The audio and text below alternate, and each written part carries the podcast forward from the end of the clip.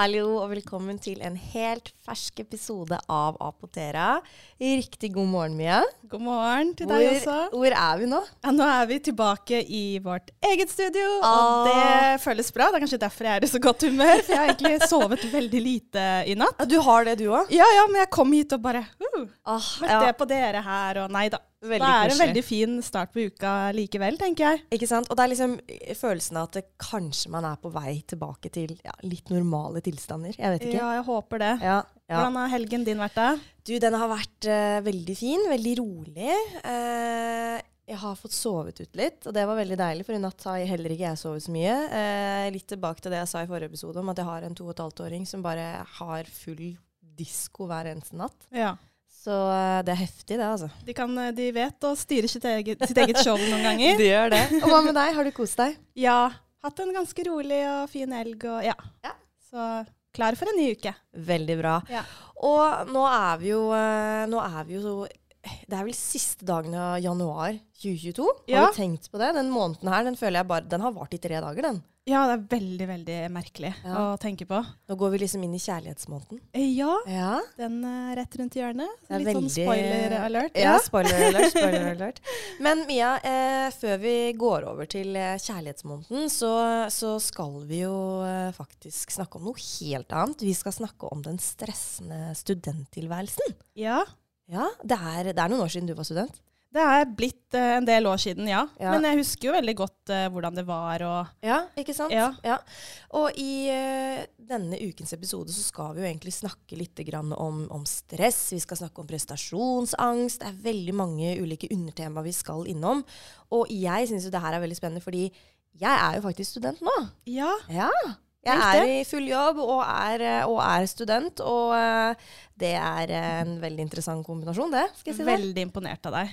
Veldig hyggelig å høre. Ja. Jeg skal prøve å dele noen gode råd, jeg også. ja, jeg tror du har veldig mye å bidra med her, så jeg tenker det her blir en veldig bra episode. Ja, jeg gleder Håper meg. at den blir veldig nyttig for de som enten er studenter nå, eller skal bli det til sommeren. Ikke sant? For det er jo mange nå som eh, ja, driver og lurer på hva er det de skal gjøre etter de er ferdig på videregående. Ja. Skal man begynne å studere? Skal man gjøre noe annet? Friår, Ja. reise. Så mange valg. Ikke sant? Ja. Og så- tenker jeg jo at eh, vi må jo i dag også ta opp litt spørsmål. Og så har vi fått inn litt tips, for det ba vi om også på Instagram-storyen vår. Eh, kom gjerne med studietips. Jeg skal prøve å komme med noen studietips. Det kan hende de er gått litt ut på dato, for jeg har vært student i ganske mange år.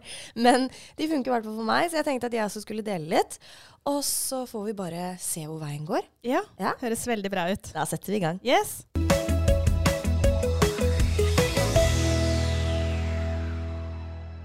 Den stressende studenttilværelsen. Det første jeg har lyst til å si, Mia, er at dette her med å være student og, og, og leve som student Jeg husker eh, For jeg har jo studert i USA.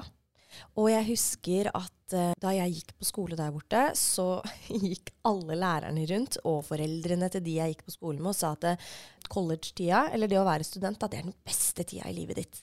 Og så tenkte jeg ja, det er sånn fire-fem år av livet mitt, kanskje. Og så er det over etter det. hva tenker du om det? Hva, hva, hva tenker du om liksom, Hvorfor heter det den stressende studenttilværelsen? Hvorfor har vi valgt å kalle det for det?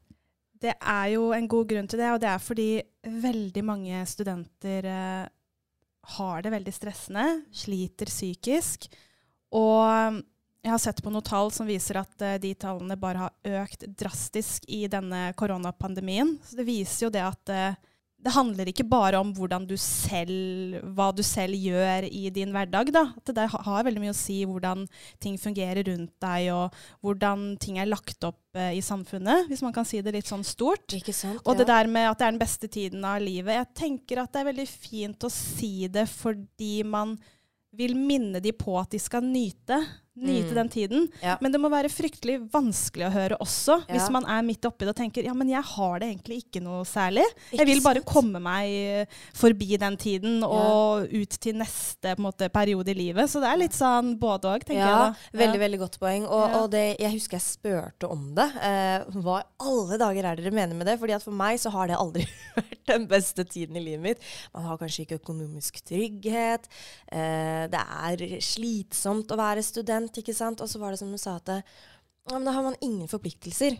Og så tenkte jeg at vet du hva, å ha litt forpliktelser og samtidig på en måte ha et godt liv ved siden av det, eh, det trumfer den studenttilværelsen. Det gjør det i hvert fall for meg. Ja, og vet du hva, du har jo egentlig man kan jo kanskje si det ikke helt stemmer òg. Ja. Det er klart du har mange forpliktelser som student. Tenk, Du skal begynne Ja. å ta vare på din egen økonomi.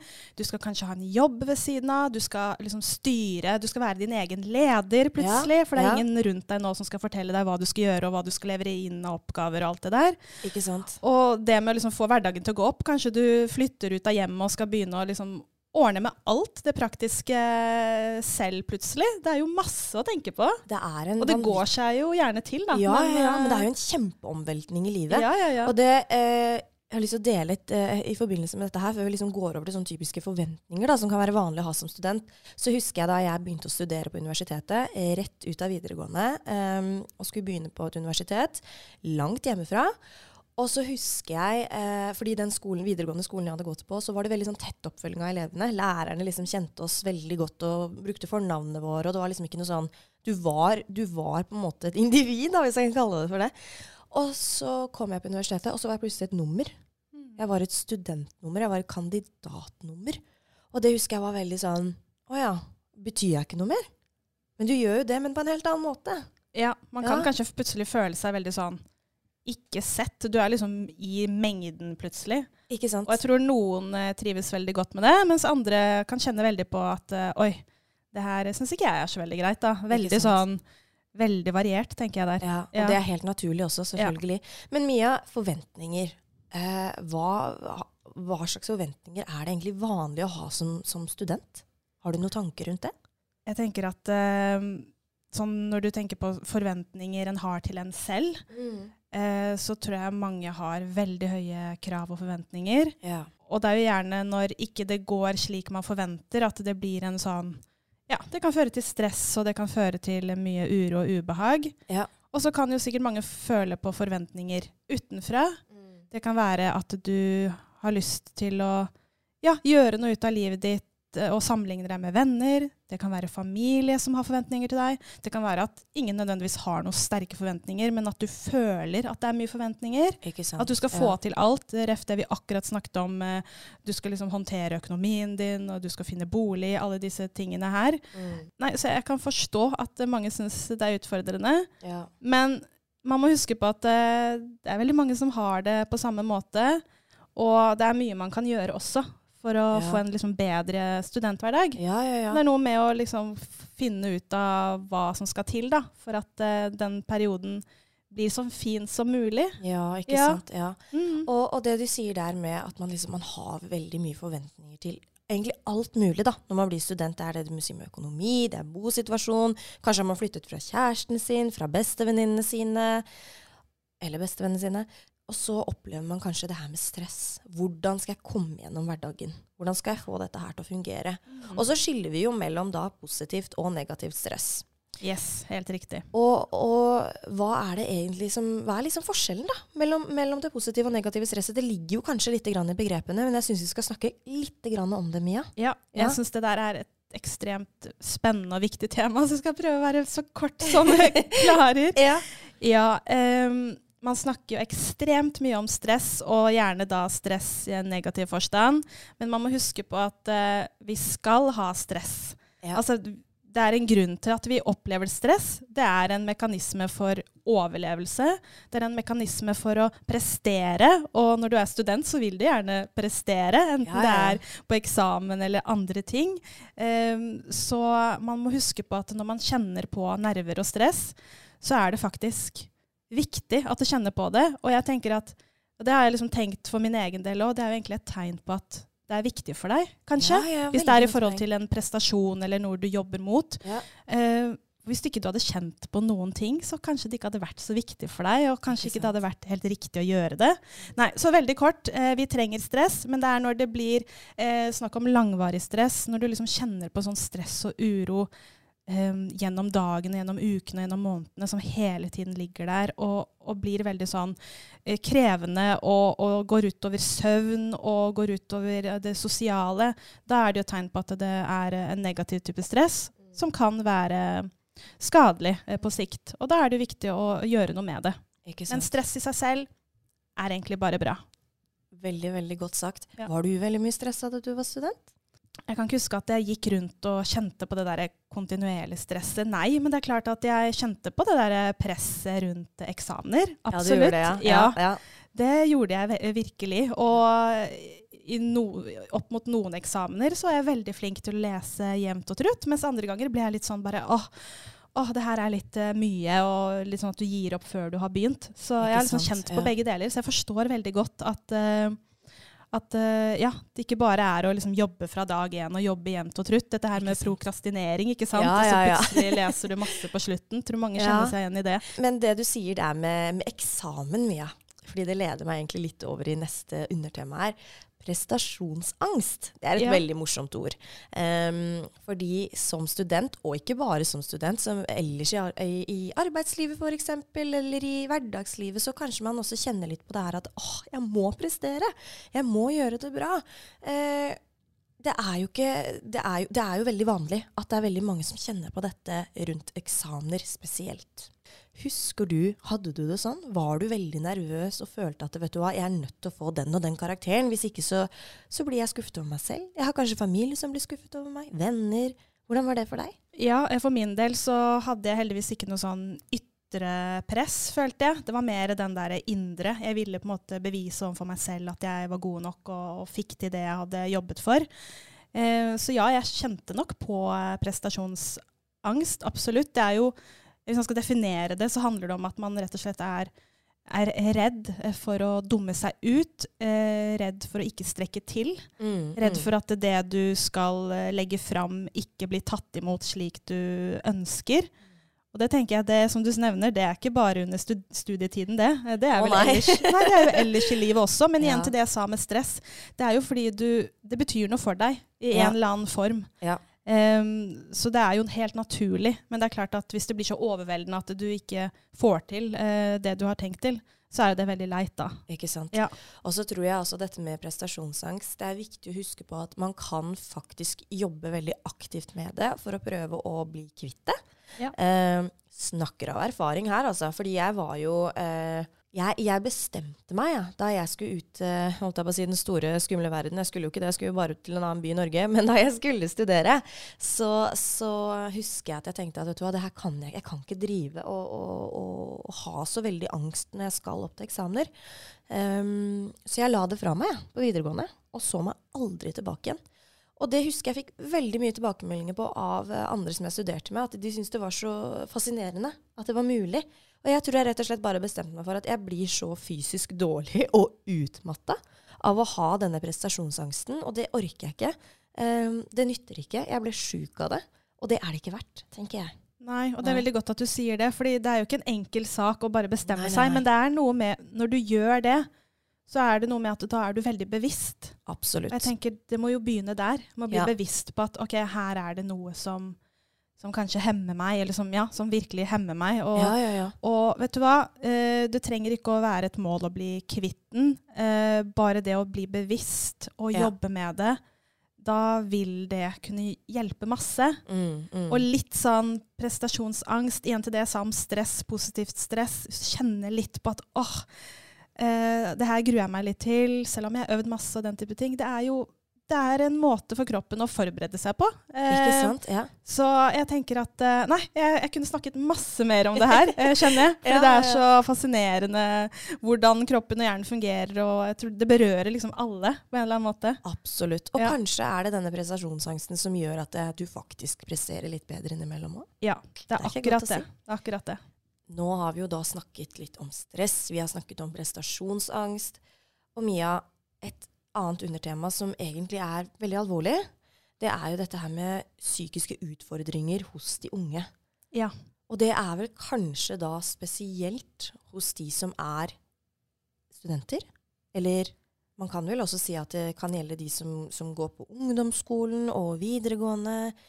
Og det er jo en grunn til at vi har valgt å ta opp akkurat dette i denne episoden her. Kan ikke du fortelle litt om det? Ja, det er jo aktuelt hele tiden. Men jeg så litt på noen tall her eh, som har sammenlignet eh, eh, ja, alvorlig, eller opplevelsen av psykiske plager hos studenter. Og man ser at det har vært en kraftig økning fra 2018 til eh, 2019 og 2020. Og det er jo klart at eh, pandemien har hatt en eh, veldig stor påvirkning der. Ja. Eh, Dessverre. Eh, man ser at eh, Eller ifølge en sånn veldig stor undersøkelse eh, som blir gjort eh, blant studenter, så sier de at fire av ti har søvnproblemer. Og det er ganske mange. Det er veldig mange. Ja, og man vet jo hvor viktig søvn er for bl.a. det å prestere, det å fungere i hverdagen, humør, hukommelse. Ja, ja, ja. Eh, så det er ganske ja, veldig sånn triste tall. Og nesten halvparten av studentene ifølge den undersøkelsen her, opplever alvorlige psykiske plager. Altså det er altså Det er sårt å høre, egentlig. Ja, halvparten. Og det her er en studie med over 60 000 eh, studenter. Så de tallene her er jo ganske reelle. Så det her med psykiske utfordringer, det er et stort, et stort problem. Og jeg vet ikke helt på en måte eh, hvor flinke folk er til å ta kontakt hvis de kjenner på at de ikke har det bra. Men jeg håper at alle som hører på og kjenner på at eh, de sliter i hverdagen, oppsøk hjelp, for det fins hjelp der ute. ja, Enten det er fastlege, det finnes også mange ordninger i kommunen.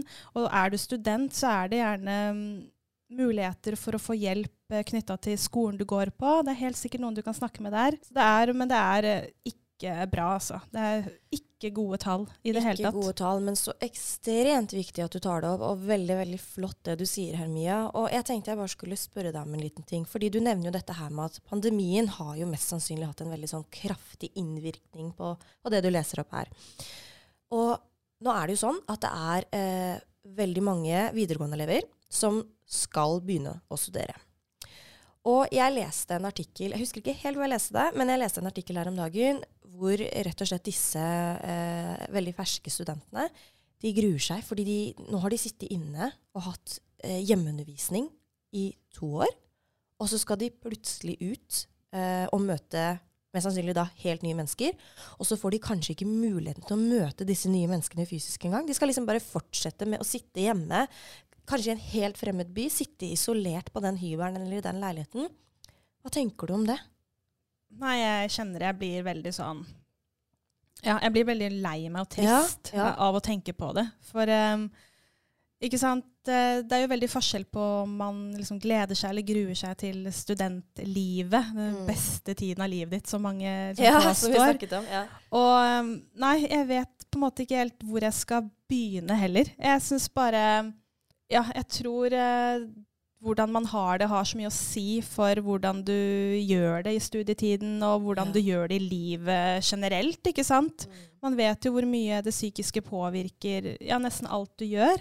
Absolutt. Um, men så må man prøve å minne seg selv på at eh, vet du hva, jeg, eh, lettere sagt enn gjort, da, men det er eh, ikke bare jeg som har det sånn her. Prøve hvis du klarer å ta initiativ. Eh, ta initiativ til å møte folk. Um, selv om du kanskje ikke kan møtes i lesesalen, møtes ute, gå seg en tur. eh, ta Mm. kontakt. Og så til alle lærere, ikke minst, yeah. uh, som skal ha uh, elever og studenter, at de også gjør en skikkelig jobb med å legge til rette for at man kan ha noe sosialt, enten det er digitalt eller andre arenaer hvor det er Ja. på en måte greit. da. Ja. Um, og heldigvis så er jo i hvert fall de som begynner å studere sånn til sommeren og høsten, da er det i hvert fall en tid hvor man kan ja, man kan være ute hele året, det er ikke Ja, det, ja, ja, men da er det mer til rette for at man kan møtes ute pga. vær og den type ting. Så jeg tenker mange her som har en viktig jobb eh, når det kommer til å sørge for at det blir litt bedre Absolutt. enn det det kunne vært hvis alle bare gjorde sine ting. Veldig, veldig sant. Ja, så jeg tenker skolene har eh, ja, mye de kan gjøre der, altså. Hvis de Mm. bare bruker tid på det. Absolutt. Det er et veldig sånn tungt og sårt undertema, det her. Og det gjør meg vondt å faktisk uh, høre de tallene du leser opp, og lese det jeg leser uh, ellers også. Så vet du hva, med det sagt så tenker jeg eh, du og jeg skal prøve så godt vi kan å gi noen eh, gode råd til, eh, til studentene der ute. Ja. Og det skal vi gjøre før vi går over eh, til eh, lytternes spørsmål og råd, som de Ja. har kommet med. Det er veldig veldig gøy og veldig koselig. Ja, jeg tenker at hvis man kan dele av hverandres erfaringer, det er jo Ja. det beste. Ja, Ja. Men Mia, eh, jeg tenkte du skal få lov å begynne, som alltid. Jeg liker veldig godt å bare gi deg den stafettpinnen. Em, kjør på. Har du noen gode råd til studentene du har lyst til å dele? Ja, jeg har jo notert meg noen gode råd, og det Ja. finnes jo ekstremt mange gode råd, så jeg må bare begynne med å si at eh, eh, det er ikke sånn at det, de rådene jeg gir nå, funker for alle. Det kan være at du tenker at eh, nei, eh, det er ikke min greie, det du sier der. Jeg liker heller å gjøre det og det og det og det. Helt supert. Finn det som funker for deg. Um, men jeg tenker det er fint å dele. Eh, og så Ja. kan man ta til seg det man tenker passer seg, Ja. og teste ut litt, kanskje, hvis man uh, ikke har gjort noen av disse tingene før. Ikke sant? Så jeg har egentlig bare ramset opp, eh, eller har, jeg kommer til å ramse opp noen punkter her. Ja, kjør på. Så hvis du som hører på har lyst til å notere deg det her ned, så gjør gjerne det. Ja, ja, ja, gjør det. Eh, ja, eh, det ene er eh, veldig undervurdert. Det er noe jeg selv faktisk har eh, begynt med litt aktivt i min tid på hjemmekontor, hvor jeg kjente at det ble litt tungt etter hvert. Og det er å gå turer. Du er veldig, det kan jeg skrive under på, du er veldig flink på, for jeg får stadig noen snapper at du er ute og lufter deg. Gå turer i naturen. Og man kan tenke ja ja, hjelper det da? Jeg vet ikke. Jeg eh, kan bare si at eh, i hvert fall for meg da, så har det funket, funket veldig, veldig godt. Du får luftet deg, du får kommet deg ut. Eh, hvis du har ting du grubler over, så tenker du på en litt annen måte når du beveger deg. Det kan enten være at du går en tur i naturen, det kan være at du drar, på treningssenter, det kan være, ikke sant? Bare det å bevege seg er vel egentlig eh, punkt én. Ja, veldig, veldig bra. Ja, og ha noe på øret. Eh, noe som gir deg energi. Hvis du kjenner at eh, du har en litt sånn stressende dag, kanskje du ikke har mulighet til å møte noen eller snakke med noen i telefonen, lytt på noe deilig musikk. Det kan få Ja. opp humøret litt, i hvert fall der og da. Ja. Eh, Nummer tre er å ha en eh, strukturert timeplan. Eh, set, legg opp dagene dine på en måte som gjør at du, du får de viktige tingene gjort. Um, hvis du bare går gjennom dagen eh, litt sånn her og der, så er det fort til at man kanskje ender opp med å gjøre ting som ikke var så veldig viktig. Ikke sant? Ja. Eh, spesielt sånn knyttet opp til lesing til eksamen og sånn. Og så er jo det her med stress, som jeg kunne snakket veldig veldig mye om. Har du veldig mye stress, eh, eller opplever veldig mye stress, prøv å finne metoder for å redusere det. Og der finnes det mange metoder. Og én ting er det her med å fokusere på pust. Igjen noe jeg tenkte i mange år at ja ja, det er sikkert eh, fint, det. Eh, men så har jeg prøvd å praktisere det litt eh, selv i sånne stressende, hektiske perioder. Det funker. Bare det å liksom ha sånne rolige, dype pust innimellom når du kjenner at det blir veldig overveldende. Så hvis du googler opp det her med pust og stressreduksjon, anbefaler alle å teste det, om ikke annet. Veldig, veldig gode råd, Mia. Ja, eh, og et eh, siste råd er å unne deg pauser med god samvittighet. Eh, noen ganger så trenger du bare å, å ta det litt rolig, og at det er helt OK. Eh, det trenger ikke å gå i 110 km i timen hver eneste dag. Nei, det høres ikke så sunt ut heller, for å si det sånn. Så. Um, så det er mine tips. Ja. Har du noen tips du har lyst til å komme med? Ja, først vil jeg bare si at det var veldig veldig gode tips. Jeg skal ta dem med meg. Eh, du, jeg har jo eh, jeg, Først og fremst så må jeg skrive under på det Mia sier her. Um, jeg har også veldig sånne konkrete tips uh, som jeg har lyst til å dele. Fordi når jeg har gjort det tidligere, så har jeg liksom, i hvert fall fra mine studievenninner, så har jeg liksom fått en sånn der Oi, det var en åpenbaring at man kunne gjøre det sånn og sånn. Så jeg tenkte jeg prøver nå. Så til alle lytterne våre der ute, sånn som Mia sa i stad, noter det gjerne ned. Først og fremst, sett alltid av tid til fysisk aktivitet, slik som Mia sier. Om det er å gå en tur, om det er å ta seg en tur på treningssenteret, bare gjør det. Bare for å få liksom, blodsirkulasjonen i gang, bare for å gjøre noe litt annet, få litt andre impulser.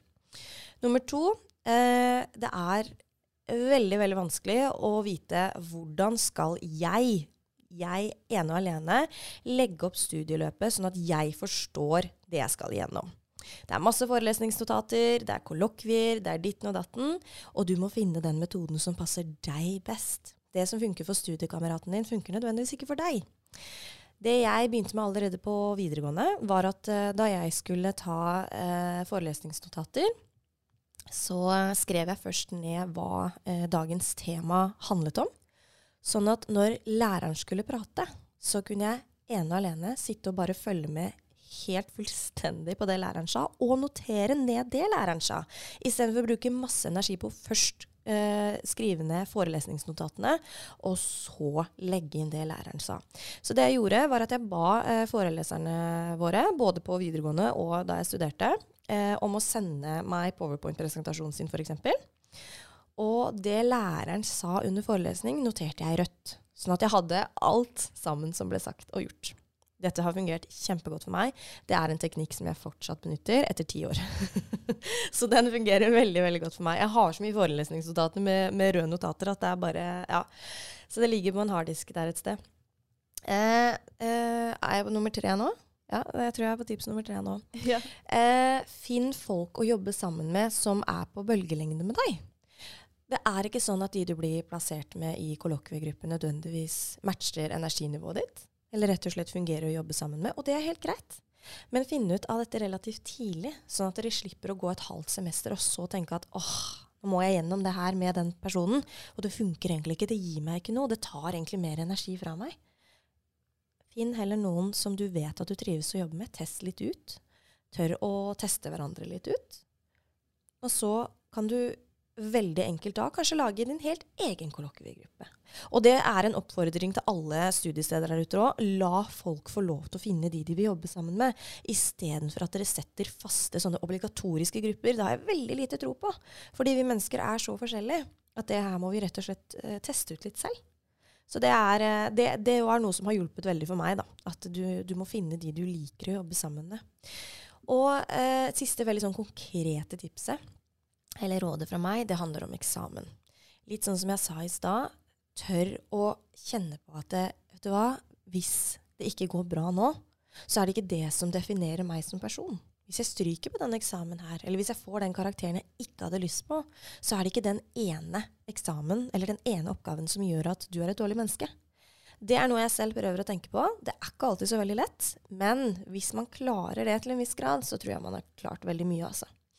Og det er veldig, veldig viktig å huske på at det du lærer i løpet av alle de månedene og årene du studerer, det er, altså, det er én prøve, det, Mia. Det er én prøve som skal teste deg alt det du har lært. Og la oss si at du får en F, da. Så, så, er ikke det sånn nødvendigvis at da er du en dårlig frisør, eller du er en dårlig lege, eller du er en ditten og datten det er, det er, ganske sånn eh, Jeg syns det er litt kjipt at det er liksom den ene prøven da, som skal definere om du er god i det faget. Du kan ha kjempeflaks. Ja. Eh, jeg husker eh, da jeg studerte psykologi, så hadde vi tre svære bøker på 500 sider hver, tror jeg. Og alt det kunne vi få på eksamen. Og så kunne vi også få et bitte lite avsnitt på side tre i den ene boka. Så vi ante ikke. Og det har jeg veldig lyst til at dere skal ha i bakhodet òg at det er ikke den ene prøven som definerer dere, eller den ene eksamen som definerer dere som person. Ikke la den uh, gi deg den følelsen at er det det, her som, er det det studiet her som ikke passer ikke det studiet her for meg? Gi det litt tid. Gi det i hvert fall et halvt år, pleide alltid pappaen min å si til meg. Gi det alltid et halvt år til et år. Ikke, ikke gi det tre uker, fordi at det er ikke nok. Nei. Så, så, så, jeg tenker at uh, hvis man kan ha litt i bakhodet det som Mia og jeg nå har sagt til dere, så, så tror jeg dere er på god vei. altså. Ja. ja. vet du hva? Jeg syns du har kommet med så mange gode forslag, så jeg håper virkelig, hvis ikke du har notert deg det her nå, så bør du spole tilbake og notere, og spesielt eh, det siste du sa der. Du kan være utrolig flink i et fag og kunne alt, men likevel ikke få en A på eksamen. Mm, eller B, eller C. Og sånn er det, og sånn er det bare. Eh, og ja, jeg skjønner at det er surt, fordi du jobber jo hardt for å oppnå, eh, oppnå det, da. Mm, hvis det er det mm. du, eller oppnå en A hvis det er det du sikter mot. Så det er klart at skuffelsen er der, og det er også helt greit. Mm. Men vet du hva, altså du kan være rågod på visse ting, og kanskje det er det du trenger i arbeidslivet, men hva du får på den eksamen, det sier ikke noe om hvordan du vil prestere i arbeidslivet arbeidslivet. Og når du er på et jobbintervju, så ser de ikke bare på hvilken karakter du fikk i det og det faget. 'Å ja, OK, ja, men da vil ikke vi ha deg.' De ser på hele deg som menneske, hvordan du mm. fungerer sosialt, mm. om du takler utfordringer. Og det er så mye mer enn bare de karakterene. Ja. Så jeg syns det er helt fantastisk at du hadde det punktet der. Det er så, så viktig. Ja. Og jeg har også lyst til å legge til en siste ting her. Slutt å sammenligne deg med andre. Hvis du syns at det å bare stå på eksamen er det som er viktigst for deg. Og vet du hva, det, det skjønner jeg veldig godt. Jeg er der sjøl, jeg. Eh, eller om du absolutt skal ha den A-en eller B-en. Altså, ok, Da er det det som er viktig for deg. Det som er viktig for f.eks. Mia, trenger ikke å være viktig for meg. Og det er, vet du hva, det er en sånn modningsprosess. For det husker jeg da jeg, da jeg begynte å studere, at uh, det var litt vanskelig. Så jeg var veldig, veldig tydelig på å si det til venninnene mine. Um, dere trenger ikke å fortelle meg hva slags karakter dere ønsker å oppnå, eller hva dere fikk, fordi at jeg vil fokusere på meg og mitt. Dere kan gjerne snakke, snakke om det dere imellom, men jeg trenger ikke å vite det. Fordi at for meg så er kanskje ikke den karakteren dere sier, det er ikke det jeg ønsker å oppnå. Og det, det syns jeg er rettferdig. Så det òg kan dere notere ned. At, uh, gi tydelig beskjed om det hvis dere føler at det er, uh, det er uh, problematisk. Absolutt. Ja. Man har etter hvert ulike mål og ulike forventninger, og det ja. er helt i orden. Og mm. det du får på denne eksamen, sier ikke så veldig mye om, om hvordan arbeidslivet kommer til å bli. Det som er viktig, selvfølgelig, er at du jobber, jobber for ting og prøver ja. å, å, få til noe. Men det er klart at hvis du f.eks. har et fag du syns er sa, det her syns jeg ikke noen ting om, det her gir meg ingenting, her, det her kommer jeg ikke til å ha nytte av. Ja, OK, så er det helt greit. Ja. Og så kanskje det er noe du plukker opp likevel, som du kanskje mm. får nytte av. Enten mm. du fikk en A eller B, eller uh, hva enn det måtte være. Ja. jeg har, uh, hadde ei studievenninne som jeg studerte psykologi med, og hun sa en ting, og det, det har jeg holdt så fast ved. Hun sa det at uh, nå har jeg kommet inn på et kjempevanskelig studium. Jeg har hatt femmer og seksere i alle fag for å komme inn her. Og eh, nå er jeg ferdig. Nå skal jeg bare stå, jeg. Ja. Jeg skal bare ha den graden min, og det skal jeg være fornøyd med. Og så husker jeg så på henne og tenkte sånn Wow! Så deilig det må være å ha det sånn. Og hun har i alle disse årene inspirert meg til å bare tenke at vet du hva, jeg kom inn på det jeg ville, eh, og det er greit. Nå må ikke jeg ha A eller B i snitt. Har, jeg, og hun har fått seg en kjempegod jobb, hun. hun ja, det, det, tror, det, tror, jeg på. Så, for det er noe med å liksom senke skuldrene ja, litt. Og da går det kanskje mye bedre òg. Ja, for da får du kanskje litt mer den der indre motivasjonen også. Når ikke du på en måte sikter så høyt opp at det nesten er uoppnåelig. Ikke sant, ja.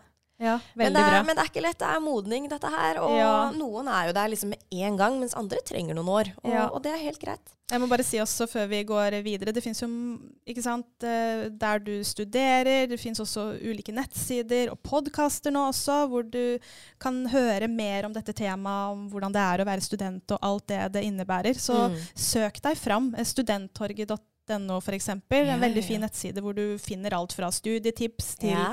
hva du gjør hvis du er stressa. Så det er mye, mange hjelpemidler der ute. Veldig. Det er bare å benytte seg av de. Og takk og lov for det, Mia.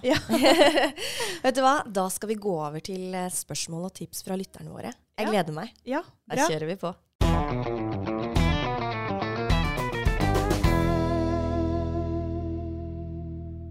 Første spørsmål, eller vet du hva, det her er faktisk et tips, Mia. Ja. Er du klar? Yes. Ja. Hei, jeg har et tips som jeg bruker hver gang jeg skal ha eksamensperiode. Gi passordet til alle streamingtjenestene dine til en nær venn, kjæreste eller lignende. Så blir du ikke sittende og bruke unødvendig tid på søppel-TV.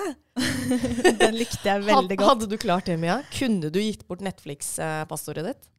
Uh, ja, jeg hadde nok klart det. Ja. Men jeg kan forstå hvis noen syns den, den, er vanskelig. Men jeg hadde oppretta vært... ny bruker, jeg. jeg hadde altså okay. backup-bruker. Men da hadde, den, da hadde ikke det tipset fungert for deg heller? Nei, jeg, jeg, jeg tror det hadde funka i sånn et par timer. Og så hadde jeg tenkt at uh, Nei, jeg, må, jeg, må, unne meg selv litt. Ja, ja. Men vel, jeg likte det tipset veldig ja, godt. Veldig bra. Veldig, sånn veldig kreativt. Bra. Ja. Hei, Abotera. Har dere noen gode tips for hvordan man kan bli kvitt eksamensangst? Ja, altså det fins jo ikke sant, veldig mange gode tips. Og det her er jo gjerne knyttet opp mot eh, stress igjen. Så vi har snakket mm. litt om hva du kan gjøre for å kanskje roe ned det stresset. Og også, som jeg sa, tenke over at det, det er ikke nødvendigvis sånn at du skal bli kvitt eh, det stresset. Uh, det at du kjenner litt på det, er jo helt naturlig, og kan også hjelpe deg i å oppnå det du vil. Men uh, det er klart at er det veldig ille, så er jo det en helt annen sak. Jeg vet ikke om du har noen konkrete råd der du har lyst til å Da må jeg rett og slett uh, gå litt tilbake til det jeg sa i stad. Ja. Uh, først og fremst ikke tenk at den eksamen du skal igjennom, er den som definerer deg som person. Det er enklere sagt enn gjort, men hvis du begynner å trene på det relativt tidlig, eh, så tror jeg at eh, du, du, kan komme ganske langt. For noen så er det jo faktisk make it or break it. Eh, hvis jeg ikke får en eh, La oss si du skal inn på, en, eh, på høyere, utdan høyere, utdanning og ikke får den sekseren eller femmeren eller fireren eller hva det enn er, eh, i det faget, så kommer du ikke inn. Men heldigvis, dere, så er det faktisk sånn at du kan ta opp fagene igjen.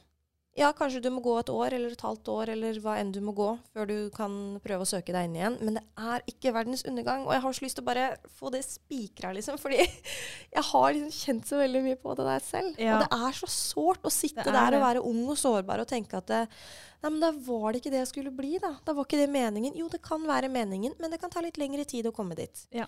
Og så tenker jeg òg at eh, hvis det går dårlig, dårlig. Jeg vet ikke hva, hva som går dårlig for deg, kan være noe helt annet enn for meg.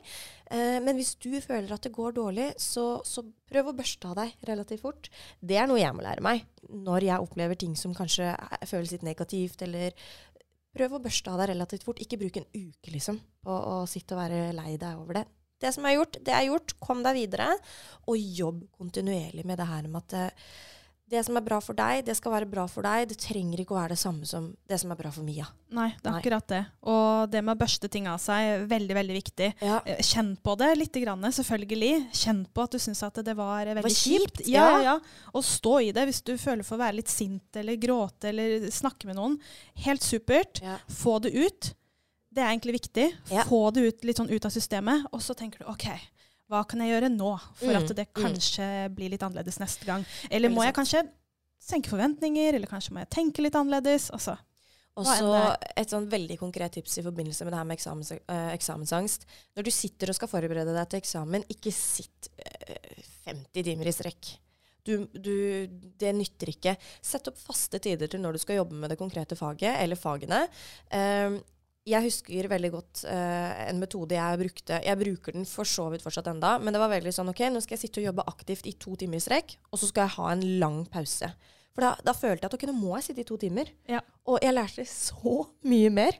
Det er veldig, jeg- ja. veldig viktig det du sier, for Ja. hjernen klarer ikke eller det er, det er, ja, nei, Ja. hjernen klarer ikke å ta Nei, til seg nei. kontinuerlig med, inf med informasjon. Det merker du også i arbeidslivet. Hvis, det er, hvis du er på kurs eller hører på foredrag, hvis det er strekker over mange timer, så faller man litt ut, altså. Veldig Og det gjelder sant. også med egen studie. Liksom. Ha, som du sier, er helt, helt supert at du nevner det. Pauser og liksom definerte arbeidstider. Superviktig resten av ditt liv. Ikke bare når du studerer, men også når du jobber. Ja, og i de pausene så kan du prøve å få tilbake det Netflix-passordet ditt som du ga til en venn. Ja, Eller lage ny konto. For da kan du gjøre akkurat hva du vil. Om du vil gå Ja. deg den turen i naturen, Ja. eller høre på podkast, se litt på Netflix. Alt er lov i pausene. Det er noe med å bra. koble av hodet litt. Ja. Hei! Hvilke fag syns dere var de verste på videregående, og hadde dere noen favorittfag? Oi, Eh, ja. Hva herre hadde min, du det er som eh, favorittfag? Ja, hva hadde jeg? Vet du hva, det begynner, vet du hva, det, det begynner faktisk å bli noen år siden. Ja. Eller hva var det du syntes var minst ille? Kan jeg ta det som jeg syntes var verst først? Ja, ja, ja. Matte. jeg, gikk jo, eh, jeg gikk jo ikke realfagslinja. Jeg hadde jo mer den eh, Hva er det vi kalte det for noe? Eh, samfunnsfaglig retta linja, tror jeg det het på den tiden. Jeg vet ikke Ja. hva det heter nå. Så jeg hadde jo liksom politikk og menneskerettigheter og internasjonal engelsk og ja. Eh, matte eh, jeg, hadde, jeg begynte med den vanskeligste matta, husker jeg. Fordi det som er, var veldig logisk for andre, var ikke logisk for meg. Og det som var ulogisk for eh, andre, det var logisk for meg, da. Så den vanskelige matta, den fiksa jeg. Men så ble det bare så mye at jeg tenkte at yes, jeg går over til P-matte. Trodde det var mye enklere. Det var det ikke. Så matte var det verste for meg. Er det fortsatt? jeg kan matte, altså. Men jeg liker ikke å sitte og jobbe med det. Ja, men matte er jo så utrolig mye, ikke sant? Så det er jo en hel verden av Ja, ja, ulike typer tematikker. Så ja. Eh, favorittfagene mine Jeg likte egentlig stort sett alle de fagene jeg hadde eh, på den linja jeg gikk. Jeg hadde jo eh, jeg hadde veldig mye forskjellig. Um, jeg husker at eh, politikk og menneskerettigheter var veldig, veldig spennende. Og så hadde jeg faktisk litt sånn mediefag også. Og det har jo kommet til nytte, ja, i hvert fall til en viss grad, i den jobben jeg har nå. Men, eh, men jeg kan ikke akkurat si at jeg hadde liksom ett sånn fag som jeg gleda meg hver dag til å ha. Det tror jeg ikke. Hva med deg? Um, jeg prøvde å tenke litt over hva jeg syntes var de verste fagene. Og jeg hadde vel egentlig ingen jeg syntes var så utrolig ille. Men det er klart at jeg syns jo på den tiden at ehm, ja, det var noen fag som var litt mer kjedelige enn andre, kanskje. Eh, sånn, eh, det var noen av de samfunnsfaglige fagene jeg ikke syntes var så veldig interessant på den tiden, men som jeg nå syns er mye mer spennende. da. Ja, ja, ja. Så akkurat som det har liksom endret seg med alderen. Men jeg var jo veldig glad i ja, noen av realfagene. Jeg gikk jo studiespesialiserende med realfag. Eh, mestret det ganske greit og syntes også det var eh, spennende. Så jeg likte veldig godt eh, kjemi, eh, biologi. Eh, matte likte jeg veldig godt på ungdomsskolen. Eh, på videregående så merket jeg at oi, nå måtte jeg faktisk jobbe litt mer enn, enn før. Eh, så jeg vil ikke si at det var noe verken favorittfag eller et fag jeg ikke likte. Jeg syns det var helt OK. Eh, men det er veldig morsomt å høre hvor forskjellige folk er. Og Ja, ja, ja. en ting er på en måte hva man mestrer og ikke, og hva man syns er spennende og ikke. Og det tenker jeg kan være en sånn fint lite pekepinn på hva du kanskje ønsker å studere videre òg. Ikke alltid, Nei, nei, nei. eh, men noen ganger. Det var i hvert fall Mm. sånn jeg tenkte for min del. Det at jeg mestret de og de fagene og likte de, det hjalp meg veldig å tenke litt sånn OK, hva, hvilken retning vil jeg gå etter det? Ja, ikke sant. Eh, Det, det var min måte å tenke på. Altså. Ja, ja, ja, Eh, veldig, veldig fint, det. Men det var jo sånn jeg endte opp med å studere farmasi, da. Ikke sant? Mm. Og Det leder meg over til neste spørsmål. Hei, Mia Elisabeth. Lite spørsmål til Mia her. Jeg lurte på hvilke fag du syns det var det vanskeligste på farmasistudiet? Jeg syntes jo at eh, organisk kjemi, som var ganske tidlig, ble veldig tungt. Og jeg forsto det jo, men jeg syns det var så utrolig mye. Ja. Eh, det var, eh, nå har de jo endret en god del, det studieopplegget, etter jeg ble ferdig. Men det var ganske få, men store, tunge fag. Eh, på godt og vondt. Så det var veldig mye, rett og slett. Så jeg merket eh, helt Det var jo første året, da. At jeg mistet litt sånn motivasjon, faktisk. ja. Eh, fordi det var veldig mye. Eh, ja, eh, så det er vel egentlig det. ja. Det er Jeg mye man skal gjennom eh, Tar av meg man studerer. hatten for at du kom deg gjennom det der. Altså, jeg hadde jo Nei, altså, jeg kunne Altså, jeg aldri gjort noe, det. jeg fikk ikke noe toppkarakter da, for å si det sånn. For jeg kjente at eh, det her var litt sånn det var, det var et av de fagene hvor jeg tenkte ok, så lenge jeg står, Ja, så er det ja, ja. greit. Ellers har jeg ikke tenkt så veldig mye sånn ellers. Nei, Men akkurat der tenkte jeg vet du hva, det, det får være greit. Og det var mange som tenkte litt eh, på samme måte også. Det hjalp kanskje litt. Ja, ikke sant? Veldig bra. Jeg har et studietips, og det er å ha faste tidspunkter å studere til. Så føler du at du må gjøre det, nesten som en jobb. Ja, veldig bra. Ja, den liker vi. Den henger vi oss på. Helt Helt, helt enig. Ja. Skal vi se. Hei, jeg har et tips, og det er å alltid lese læringsmålene i hvert fag. Det hjelper ikke å pugge pensum og svare på oppgaver om det ikke handler om det du faktisk skal kunne til eksamen. Veldig, veldig bra. Ja, Her har jeg brent meg on. så mange ganger. Ja. Den der innholdsfortegnelsen, og så kommer det liksom sånn der Ja, dette skal du faktisk kunne. Å, herregud, så mange ganger jeg hoppa over det. Det tok mange år før jeg skjønte at Ja. det må du faktisk eh, se over, Elisabeth. Det er en grunn til at det er de punktene som står der. Det er det de tenker at det er mest relevant Ja, eh, i det faget, og det er jo gjerne det de trener deg opp på. Og noen, noen um, lærere er veldig flinke til å liksom si at det her er veldig sånn typisk Mm. eh, eksamensrelatert. Og det Mm. de mener, er jo at det her er viktig i det faget. Ja, ja. Eh, men det er jo ikke alle som sier noe om det. Da, men ja. da har du egentlig den planen foran deg. Du kan bruke. Jeg Veldig syns bra det er et fantastisk tips. Jeg hadde jo en, en, en foreleser en gang, hun var helt fantastisk, som, eh, som sa det at jeg kan ikke si hva dere får på eksamen, men eh, det er høy sannsynlighet for at det er akkurat det temaet her dere kan få. Det var hun som lagde eksamen i tillegg. og Veldig det fin, jeg sånn der, eh, ah, Gikk man rett hjem og pugga på det? Ja. Det er kjempefantastisk. Så Veldig det fin foreleser. Det er ikke alle som er sånn, da, dessverre. Nei da, men man skal klare å ja, fange opp hva som er uh, viktig for det. Ja, ikke sant. Med den metoden der. Veldig bra. Hei, jenter. Jeg har en sønn som sliter veldig med motivasjon når det kommer til skole. Har dere noen gode råd? Å, det er så mye jeg vil si til de som, eh, som er i den uh, situasjonen. Ja. Nei, altså Man kan jo snakke langt og lenge det, om det her. Ehm, men jeg tenker at man må prøve å være litt eh, Hva skal jeg si? Grei med den, eh, med den sønnen eller datteren som eh, strever. Og jeg tror ikke alltid at det å pushe de enda mer kanskje er løsningen. Men liksom snakke med de og kanskje prøve å fange opp ok, hva er det, hva er det som er vanskelig. Er det det at selve faget er vanskelig? Kanskje de sliter med noe annet som gjør at uh, skolen blir veldig tungt. Mm. Kanskje det kan være noe i det sosiale på skolen. Det kan være sant, ting oppi hodet deres. Det kan være så mangt. Mm. Så jeg tenker i hvert fall det med å starte litt der, og starte litt rolig. Ikke bare pushe de Mm. eh, fra start. Ja. Liksom lage en liten plan kanskje på ok, hva, hva vil vi, hva, hvordan skal veien være videre nå. Jeg vet ikke om det ga mening. Det ga veldig mening, Ja. og jeg, jeg ønsker å signere det du sier der. Um, jeg har også lyst til å legge til at eh, nå vet ikke jeg hvor gammel eh, denne gutten er, men eh, hvis han skal begynne, på, begynne å studere, hvis han er der, eh, og du merker at eh, han har ikke så veldig mye giv, rett og slett nå, la han ta et friår. Jeg savnet veldig det da jeg gikk ut fra videregående. For jeg følte Det er ikke det at foreldrene mine presset meg, men jeg følte det var liksom litt sånn derre Alle skulle gå videre. Var du eh, en av de som skulle ha et friår og bare jobbe eller reise, så var det litt sånn Å ja, du skal det, ja. Ja. Um, legg til rette for at, at eh, han kan gjøre litt det han vil i ett år eller to, eller hva enn det er. Du må tenke på at han har vært igjennom 13 år med skolegang. Og det skal egentlig feires. Og det er ikke helt sikkert at det er riktig å feire det ved å bare gå rett på studier. Jeg angrer litt på det. Ja, ikke sant? Mm, mm. Det er fint at du sier det der. Og hvis, Ja. ja. som du sier, hvis det er en som er ved et sånt veiskille nå det, det er lov å ta en sånn fot i bakken og bare OK, uh, hva vil jeg videre Ja, nå? Vet jeg i det hele tatt hva jeg vil? Nei. OK. Uh, ja, det er lov å ta seg tid Ja. uh, til det. Ja. Og Mm. så syns jeg også at uh, man som forelder skal prøve å sette seg inn i hvordan vedkommende har det, med tanke på at uh, man glemmer kanskje litt selv hvordan det var å være ung. Å være student. Jeg kjenner jo nå, nå er det jo faktisk ti år siden snart jeg begynte å studere uh, første gang.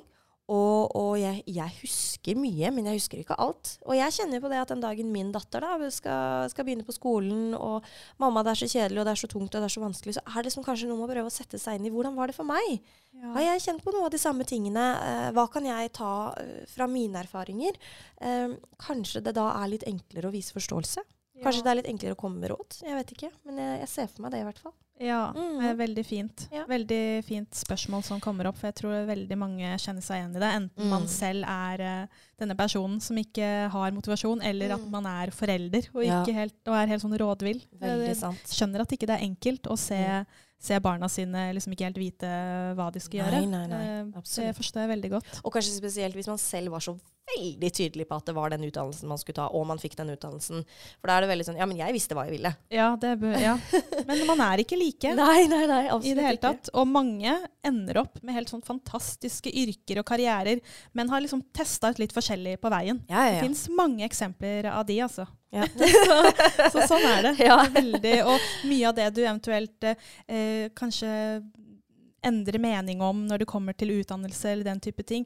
Altså, du lærer jo egentlig i alle studier og yrker. Altså, Du Mm. lærer så mye som du kan ta med deg videre, selv om Mm. ikke det er akkurat den uh, utdannelsen du kommer til å bruke. Altså, Ta, sånn psykologi, ja, ja, ja. Eh, teknologi? Det er så mye du kan bruke eh, og implementere eh, når Ja, du ja, du begynner å jobbe. Fordi det er ikke sånn nå at hvis du studerer for å bli farmasøyt, så driver du bare med piller hele dagen. Eh, Sånn som jeg gjør jo så mye annet. og tenker at, eh, ja, jeg kjenner at eh, hvis jeg hadde eh, studert mye annet før det her, så hadde jeg helt sikkert hatt bruk for det nå. Absolutt. Ta det Mm. fra en som har studert psykologi, fysioterapi og juss. og nå gjør du noe helt annet. Og jeg er sikker Så- på at du bruker noe av oh, det, ja, ja, ja, enten du vet det eller tenker over det eller ikke. Hver dag, faktisk. det er akkurat det. Så, ja. Veldig, veldig bra. Eh, neste spørsmål. Hei, jeg er så redd for å ikke komme inn på førstevalget mitt etter jeg er ferdig på videregående. Hva gjør jeg om jeg ikke kommer inn på drømmestudiet? Og jeg føler veldig, veldig med deg, og jeg Ja. tenker på deg. Veldig, veldig godt spørsmål. Jeg forstår jo det. Du har en drøm, ikke sant? Og det er klart Ja. man har lyst til å oppnå den drømmen. Eh, hva tenker du om det her? Hva vil, eh, hva vil du si til denne personen? Ja, hva vil jeg si? Eh, det er så veldig enkelt for meg å bare si at eh, det går fint. For jeg er jo ikke i den situasjonen ikke sant, nå. Men jeg har vært det. Eh, og, og det er kjempeskummelt. Det er dritskummelt, om jeg får lov til å bruke litt stygt ord. Men igjen, tilbake til det jeg sa uh, tidligere i episoden. Det går fint. Hvis du ikke kommer inn akkurat nå, så har du muligheten til å søke deg inn på nytt. Ja, du må kanskje jobbe litt ekstra. Uh, må kanskje ta opp et fag, eller to eller tre. Men det er ikke verdens undergang. Men det er ikke så veldig lett å vite og, og, og tenke på når man er i den alderen, eller man har så innmari lyst. Men hvis det er det her du drømmer om å bli, så klarer du det.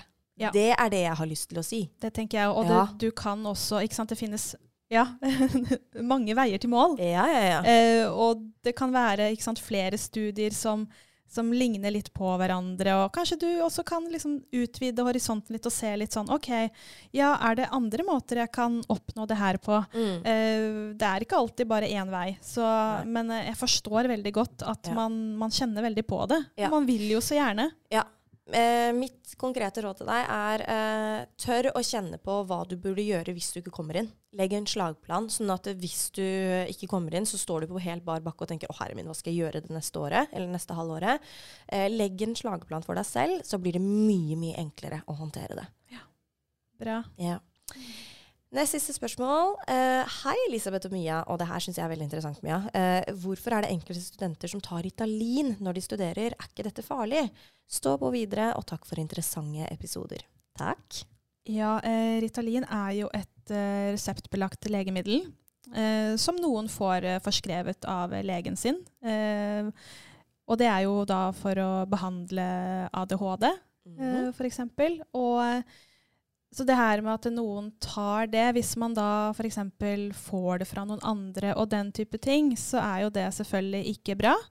Eh, det er kun de som trenger det, som, eh, som bør bruke det. Og eh, det er vel en sånn greie om at det kan gjøre noe med prestasjon eh, osv. Ja, ja. Men jeg tenker at det er skumle greier å begynne å ta legemidler som ikke er ment for deg. Det er eh, bivirkninger, og jeg tenker at det er ikke måten å å løse studiehverdagen din på. Det fins heller andre sunne måter å, Ja. å, å, å få til en eh, Hva skal jeg si eh, en sånn god eh, hva skal jeg si, Hvis det handler om det å lese og prestere, så er det så mange gode løsninger der ute. Så bruk Ja. heller de. Ja, Mm. veldig, veldig godt sagt. Og ikke proppe i dere noe dere ikke vet hva er, eller som ikke er ment for kroppen deres. Det Nei. er regel nummer én. Absolutt. Da er det det siste spørsmålet. Hei, jeg lurte på om noen av dere noen gang har strøket på en eksamen. Jeg har angst for å stryke. Hva gjør jeg? Ja, altså Det er klart man er redd for å stryke, det skjønner jeg veldig godt. Og først så tenkte jeg nei, det har jeg jo ikke. Men ja, jeg har faktisk strøket én gang. Hva har du strøket i? Eh, det var på den eh, praktiske eksamen eh, siste året på farmasistudiet. ja. Da husker jeg at jeg gjorde en, en liten feil. Det var jo åpenbart ikke en liten feil, for det var jo det som gjorde at jeg strøk. Men det, det tenkte jeg først etter jeg var ferdig ja.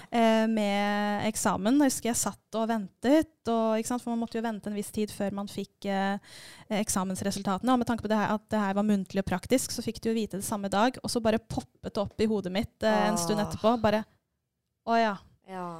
der gjorde jeg en feil, ja. Ja. Så da forsto jeg at jeg kom til å stryke. ja. Eh, Det var en liten detalj hvor jeg skulle gjøre en endring i en antibiotikadosering til et barn. Ja. Hvor jeg skulle gjøre noen endringer der, og da ble det noe rot i den eh, endringen. Um, Det var veldig tungt. Det tok jeg veldig tungt.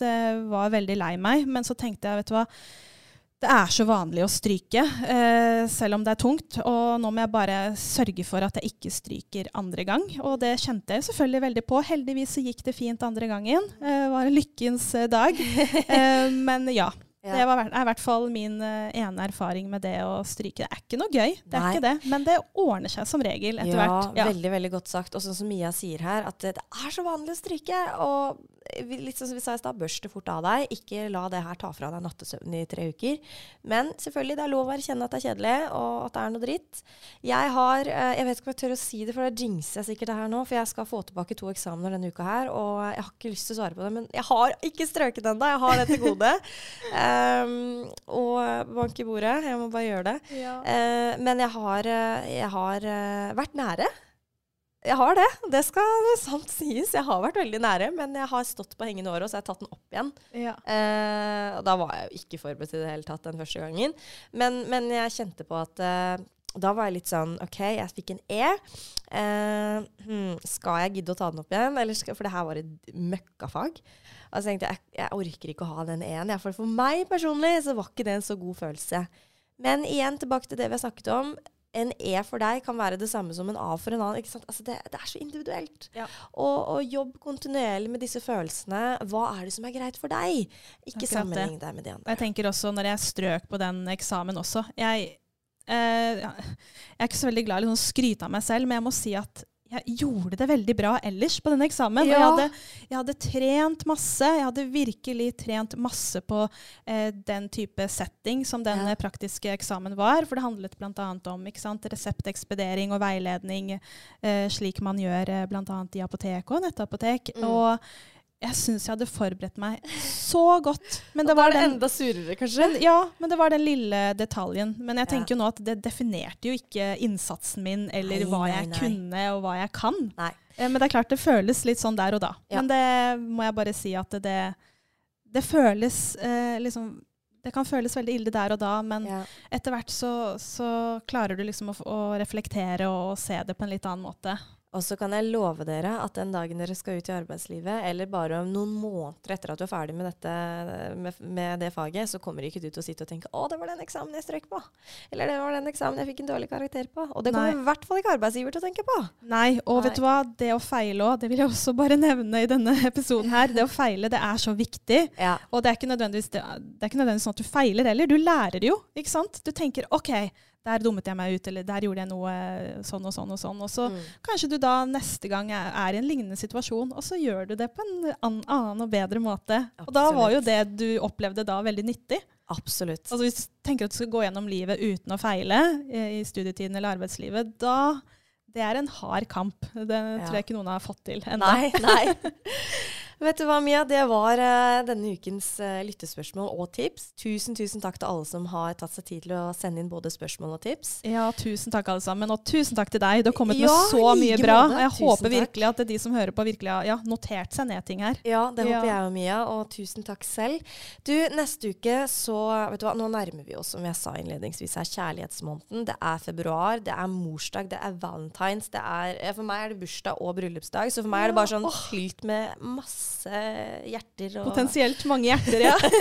Ja, det er lov å håpe. ja. Men vet du hva, vi skal jo snakke om valentines, en vanskelig tid. For det er ikke sikkert at det er så veldig hyggelig og rosenrødt for alle.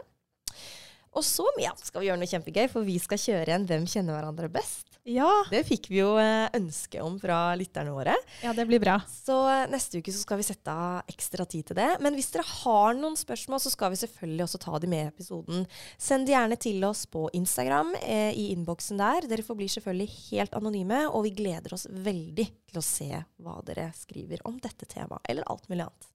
Veldig bra. Og med det sagt så vil jeg bare egentlig ønske dere alle sammen en fortsatt fin dag, og en riktig god dag videre til deg, Mia. Jo, tusen takk. Det samme til deg. Takk. Som alltid veldig hyggelig. igjen. Ja, veldig, veldig bra. Så ses vi og høres snart igjen. Det gjør vi. Ha det!